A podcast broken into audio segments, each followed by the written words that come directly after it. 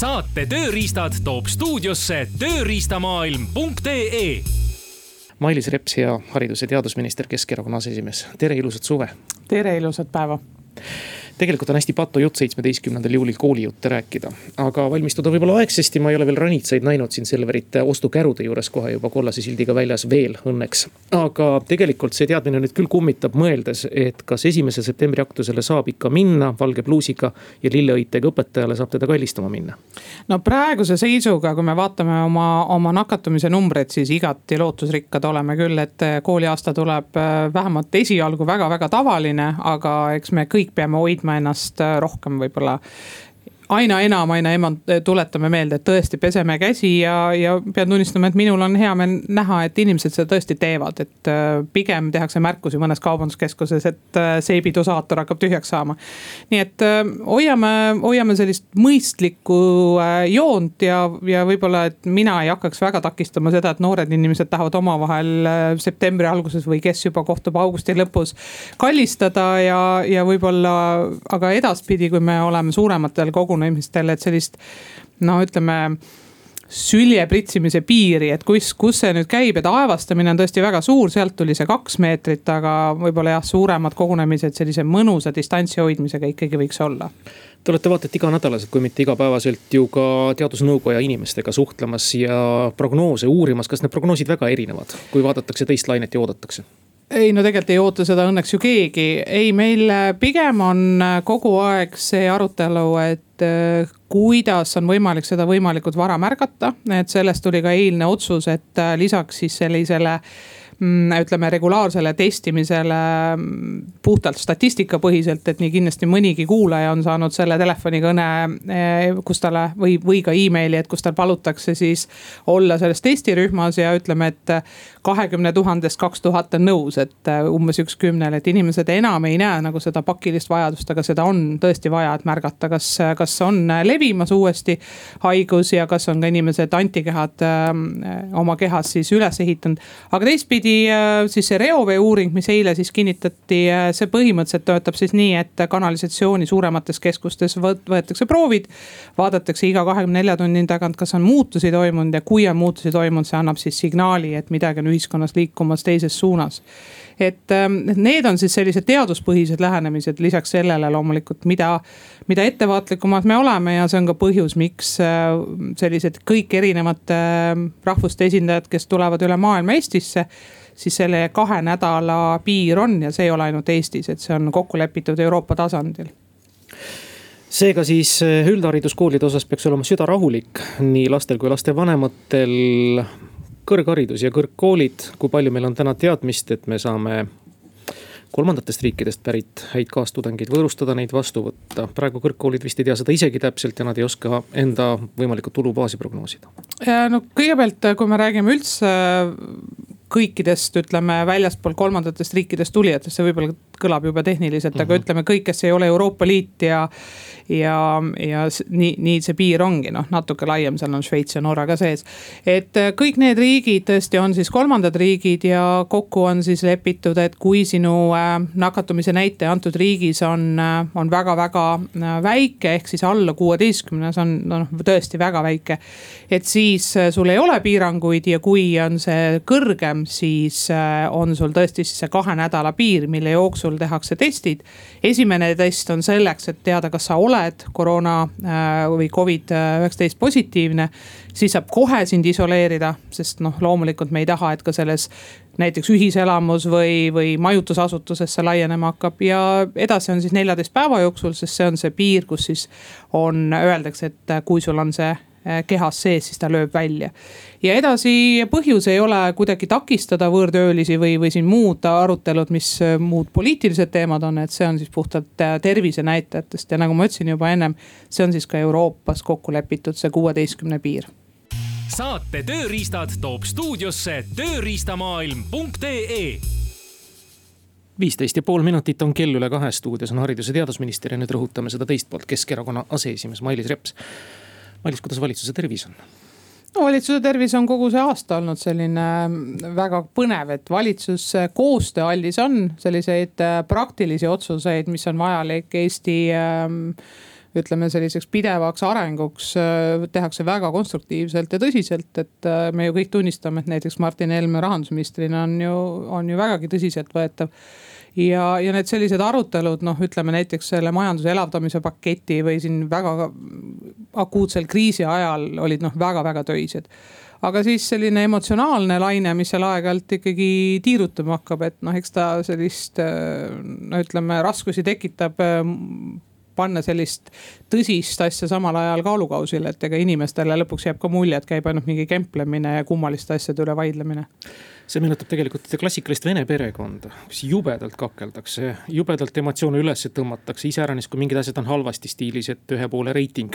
noh, mida me näiteks võrdsustame näiteks kehva töö tulemusega, aga hoitakse hirmsasti kokku no ma ei tea, kas nüüd hirmsasti, aga ütleme jah, sellises töises meeleolus, eks mul ole olnud ka ju kogemust olla erinevates koalitsioonides, et erinevalt mõnest teisest koalitsioonist EKRE-ga on, on see, et ei ole ühtegi eitust. et tegelikkuses on võimalik kõiges läbi rääkida, aga see läbirääkimine on kohati üsna pikk tark ja, ja, ja selline veenmisjõud ja jõudu ja energiat tahtev. aga, aga jah, ei ole selliseid nagu lõplikke lahendusi laual, et, et öeldakse, et ma ei tea, midagi on olnud kümme aastat nii ja nii peab olema, et kui tuleb ikkagi mingi ettevõtja, noh ja see on see, miks mind, mis mind hoiab selles koalitsioonis. et kui tuleb mingi ettevõtja ja ütleb, et tal on selliseid, selliseid lahendusi vaja, tal on näiteks siin kriisi ajal tõesti nagu see Tallinkiga oli, noh vaadati konkreetsed antud juhtumid, äh, konkreetseid vajadusi ja tegelikult KredEx. Äh, ja siis ka lõpp, noh riigi, riigikogu kõigepealt ja siis KredEx äh, otsiski selliseid lahendusi, mis, mis talle sobivad või siin mõne teise suurema investeeringu puhul, kus, kus sellist nagu paindlikkust on, on väga vaja aga nüüd see käimasolev, ma ikka vaatan seda kella, nelikümmend kaks minutit on selle saatusliku hetkeni jäänud.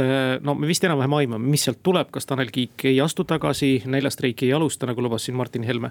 et mis lahendus leitakse nende kolme MTÜ, mille hulgas ei ole, ütleme ka kuulajatele ära, vikerkaare värve, need on naiste ja võrdõiguslikku seotud küsimused. ja Inimõiguste Keskus sealjuures, mis saab? no suure tõenäosusega lahendus on see, et äh, võib-olla ma ei tea, kui palju te olete kuulajatele selgitanud, et mis asi see RTK või äh, Riigi Tugiteenuste Keskus on, see on põhimõtteliselt äh, suur, suur hulk raamatupidajaid, no päris suur hulk raamatupidajaid on kokku kogutud üle riigi. ja teevad siis erinevatele ministeeriumitele ülekandeid vastavalt sellele, missugused öö, äh, otsused on ministeeriumites tehtud, RTK ise ei tee otsuseid. no võtame näiteks haridusministeeriumi, meil on lepingupartnereid, meil on ülikoolid, meil on oma koolid seal on rutiinsed väljamaksed ja neid teeb siis RTK. Ehm, meie liitusime sellega alles kaks tuhat seitseteist, olime väga visad äh, arvamusel, et see konsolideerumine on hirmus hea asi. aga noh, väidetavalt sellega siis kokku hoitakse nii need ministeeriumid on sinna läinud. ja nüüd siis selle vaidluse tulemusena sotsiaalministeerium võtab oma siis hasardirahad RTK alt välja ja maksab neid siis otse sotsiaalministeeriumis välja, aga pikem lahendus on siis tõesti see vaidlus selle ümber. et kas hasartmängumaksu äh,, maksust saab toetada neid organisatsioone, mis ei ole seaduses sees, selle vaidluse võttis üle siis äh, Varro Vooglaid ja tõesti, riigikontroll on teinud auditi, mis ütleb, et eesmärgistatud seda ei ole, et peaks olema seaduses täpsustus. ja suure tõenäosusega tuleb see otsus siis selline, et sotsiaalministeerium äh, otsustab neid organisatsioone, mis on väga vajalikud, võtame näiteks naiste ümarlaua, mis tegeleb tõesti väga oluliste otsustega ühiskonnas. meil on ju selgelt probleeme, küll on see palgavahega, küll on koduvägivallaga, muude teemadega, et tehakse suurepärast tööd, neid organisatsioone on vaja, seda kodanikuühiskonna osa on vaja ja, ja eks neid siis toetatakse otse sotsiaalministeeriumi poolt. See saab olema siis eeldatavalt see lahendus, eks me täpsemalt kuuleme, sest me teame ka, et sotsiaalministeeriumis on asjakohane pressikonverents kokku kutsutamas. nüüd see nüüd otseselt Keskerakonda ei puutu, aga see teema või saag, mille käima tõmbas nüüd siseminister, öeldes, tahaks loota, et mõtlematult nüüd mõned sõnad Kaitseliidu aadressil, nimetades seda küll väga toredaks ja vajalikuks organisatsiooniks, aga täiesti oskusteta no see on äh, mitte ainult äh, antud ja, ja erandjuhus, et äh, Mart Helmel on äh, tihti selliseid väga emotsionaalseid lauseid, mida ta siis hiljem ümber tõlgib äh,. et see kahjuks jah, ei ole siis see esimene kord. kaitseliidu aadressil midagi sellist öelda on äh, eriti peale Covidit, kus Kaitseliit oli toeks kõikidele meie otsustele on äärmiselt, äärmiselt kahetsusväärne, et äh, minul on ainult äh, väga kurb näha, sest noh, kui me võtame näiteks seesama Saaremaa poolenisti sulgemise või, või siin teatud äh, turvanõudeid inimeste karantiini panekut, siis nad seal olid kogu selles taustas Kaitseliidul asendamatu roll. Osad tegid seda vabatahtlikuna, osad tegid seda teatud tasu eest, aga, aga see näitas veel kord või võtame siin mingid suuremad kriisid, siis Kaitseliit on Eestis, aga loomulikult Kaitseliidu koha pealt on ju, me teame, et on siin ennegi olnud inimesi, kes ühte või teist arvavad, oli ikka siin kunagi vaidlus selle ümber, et kas selline organisatsioon Eestis on kuidagi õigustatud, see oli siis NATO liitumise ajal. aga tänaseks me oleme kõik näinud, et Kaitseliit on selline Eesti sügav äh, ühtehoidev ja, ja toetust andev organisatsioon, et äh, eks sellest tuli ka Mart Helme ümbertõlkimine. ja puudutab kindlasti äh, Keskerakonda, meil on juhtivpoliitikuid, kes on Kaitseliidus väga suured toetajad, üsna kõrgele jõudnud ja, ja nad tundsid ennast väga puudutatuna sellest kuidas taolistel puhkudel on enne seda, kui teie nüüd hambusse jäite või Kaitseliit oli ju suur kempelemine selle üle, kes kelle nüüd konkreetselt alla neelab ja kes lihtsalt võbeleb oma kolmeprotsendilise nii-öelda toetuskünnise peal. et kas koalitsioonipartner, mis nägu tavaliselt Vabariigi Valitsuse, no ma ei ütle, et isegi istungitel, aga näiteks kabinetinõupidamistel üksteisele tehakse? Äh, veel kord, see ongi see kummaline selle koalitsiooni puhul, et äh, nii Vabariigi Valitsuse kabinetid kui istungid, kõik töised nõupidamised, äh, ka sellised väiksemad töörühmad on äärmiselt töised töised. ja see, see, see ongi see kummastav pool. ja siis äh, sa lõpetad selle nõupidamise ära, olles kokku leppinud, ütleme kümmekond põhimõttelist punkti, ma ei tea, järgmise miljardi kava või nagu me arutasime seda seitsmesaja viiekümne miljoni või miljardi jagamist või, või nüüd MFF-i, mis äh, su ülemkogu ju käib, eks ju, et. et kõiki selliseid noh, väga põhimõttelisi asju, kuhu me läheme edasi järgmine kümme-viisteist aastat Eestiga ja siis kümme minutit hiljem teed nagu uudisteportaali lahti ja vaatad huvitav, see on mingi teine maailm. nii et äh, see, see vahe ongi, et valitsuse istungid on väga rahulikud, väga töised, kui on mingeid eriarvamusi, siis võetakse punkt maha ja öeldakse, et arutame rahulikult läbi, nii et kabineti ja valitsuse istungite ajal sellist üksteise norimist ei toimu. mida isand Seeder teil istungitel teeb? Ähm, härra Seeder kutsutakse nendele istungitele, kus on kas mingeid väga põhimõttelisi küsimusi, näiteks äh, kuuenda juuli nõupidamine, kus enne riigikogu istungit tehti siis kokkulepped, mis, mille järgi siis järgmiseid seadusemuudatusi tehakse. ja mm, näiteks eelarve läbirääkimised, kus kutsutakse fraktsioonide esindajad ja, ja näiteks rahanduskomisjoni esimees.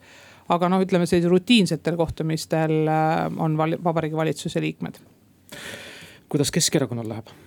Keskerakonnal läheb, äh, ütleme enam-vähem hästi, et äh, muret tekitab see kogu äh, ütleme minevik. minevik on, on midagi, millega oleme viimased neli aastat väga-väga palju vaeva näinud.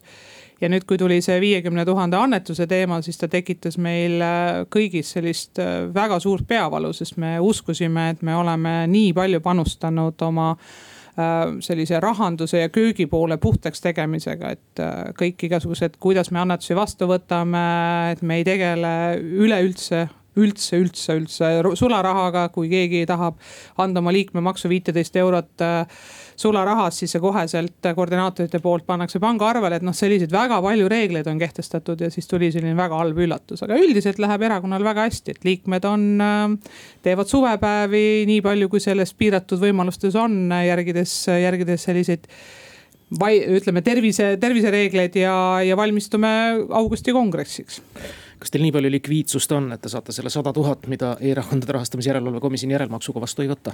jah. ja sularaha, nagu ma ütlesin, meil ei olegi, nii et, nii et meil kõik rahad käivad, käivad, aga jah, ütleme, et see, et, et äh, antud juhtum tekkis, siis muidugi äh, kui siiamaani kõik need küll väga-väga suured summad on olnud siis meie minevikus, siis see on esimene juhtum, kus me pidime vaatama, et kas me siis endiselt teeme midagi väga valesti. kas nii palju ikkagi häirib, et te peate reaalselt noh, kuna tundub, et võib-olla, et erakonna peasekretäril, kes on ka vist parlamendi liige, ei ole nii palju jaksu ja jõudu nii-öelda reaalselt üle käia, et kõigil juhatuse liikmetel tuleb näpuga järge ajada praktiliselt igale annetuse puhul.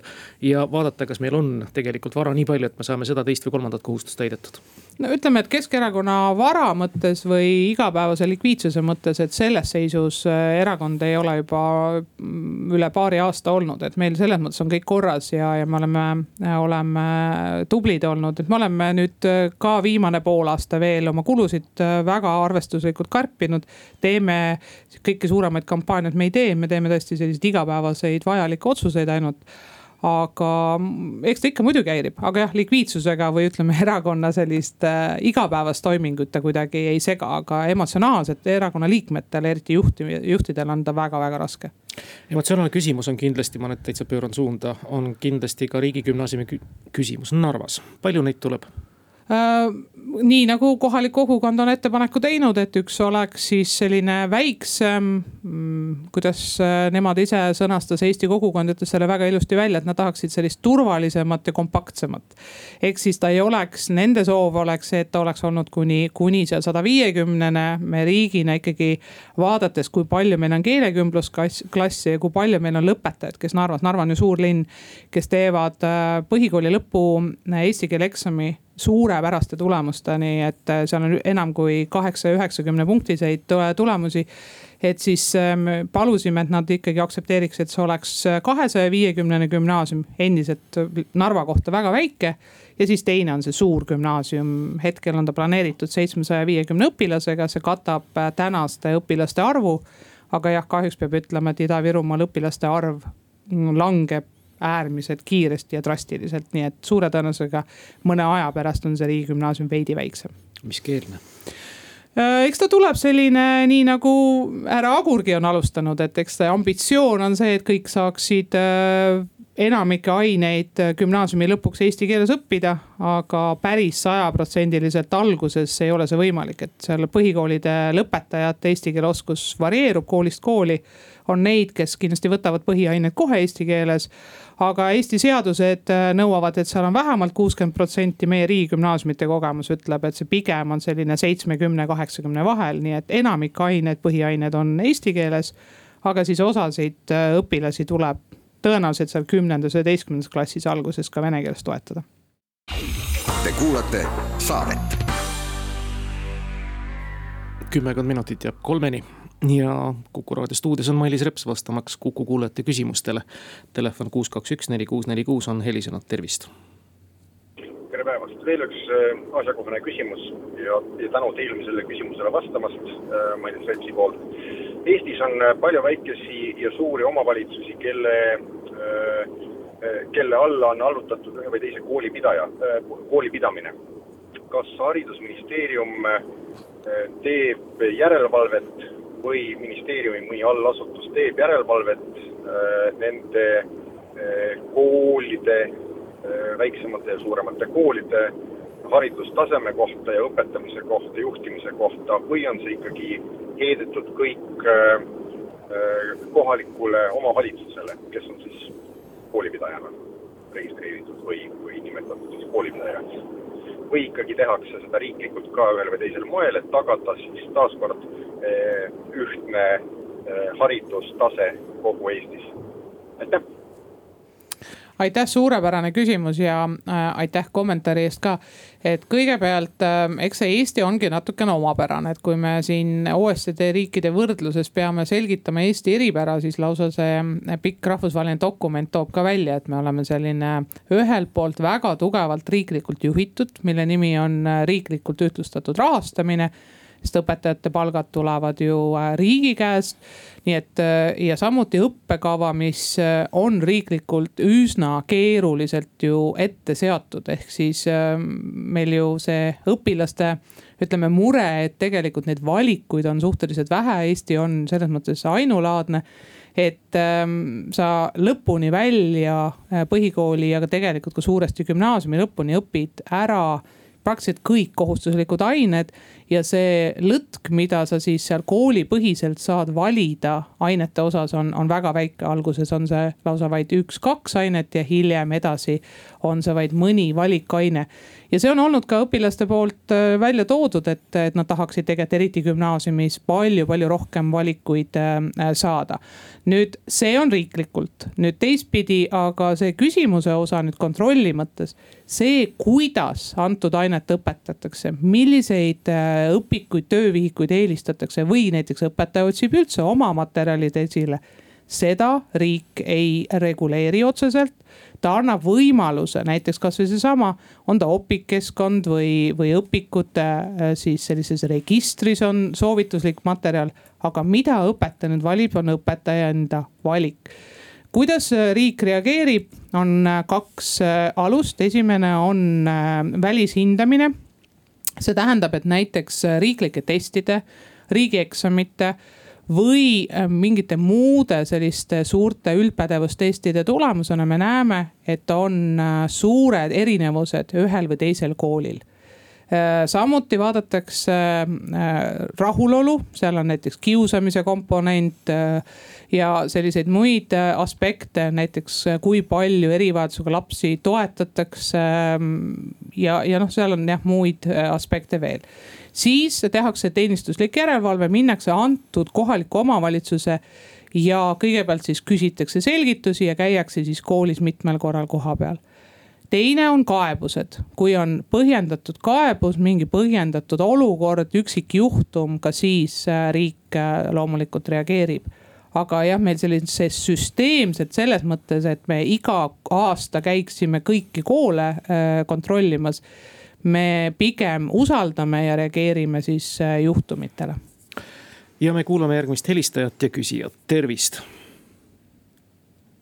tervist. Äh, minul oleks üks küsimus, mis puudutab äh, välistudengeid, spetsiifilisemalt seda kokkulepet, mis eelmisel nädalal siis välja kommunikeeriti, millest on täna ka väidetud üks eelnõu valminud. Äh, haridus- ja teadusminister äh, on väljendanud ka enne, et äh, ka täna, et selle kokkuleppe osaks oli näiteks kaks punkti, et, et katkestajatel on, lõpeb elamisluba ning et üldjuhul peavad võõrkeelsed õppekavad olema ingliskeelsed, aga kas praegu õiguslik kord ei ole juba selline, elamisluba ju antakse ikkagi täiskohal õppimiseks ja PPA-l ongi kohustus kehtetuks tunnistada mitte, mitte lõpp, mitte et see lõpeb. Ning teiseks juba halduslepingutes on kirjas, et kõik uued õppekavad kuni tuhat viis, vähemalt tuhat viissada eurot õppemaksu ja kakskümmend viis protsenti äh, äh, saab ainult äh, stipendiumitega rahastada, et kas need kokkulepped ei väljenda juba tegelikult praegu õiguslikku korda? Äh, aitäh väga hästi informeeritud küsijale, et äh, tõesti äh, halduslepingutes see on kirjas. ka mina haridusministrina selle teadmisega olen, ülikoolid on nendest kokkulepetest väga täpselt kinni pidanud, tunnustus siin ülikoolide partneritele aga siis kolmandast viienda juulini, kui me neid läbirääkimisi kolme erakonna vahel pidasime siis koalitsioonipartnerid soovisid, et selline täpsustus ei oleks mitte ainult halduslepingutes, vaid ka seaduses.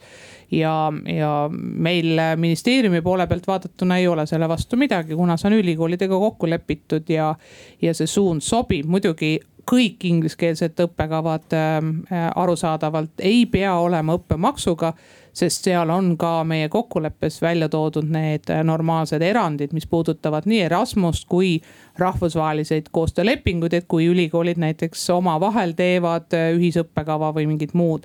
et jah, et kui, kui informeeritud küsija nii detailidesse läheb, siis ütleme suuresti pilt selles mõttes ei muutu aga jah, soov oli siis halduslepingule lisaks see seadusesse sisse tuua me ei jõua kahjuks enam ühtegi küsimust vastu võtta headelt kuulajatelt. me jõuame tänada ja siiralt tänada selle suvise tunni eest. Mailis Reps tänada Eesti stuudiosse tulemast rääkimas nii hariduselust kui ka poliitmaastikul toimuvast.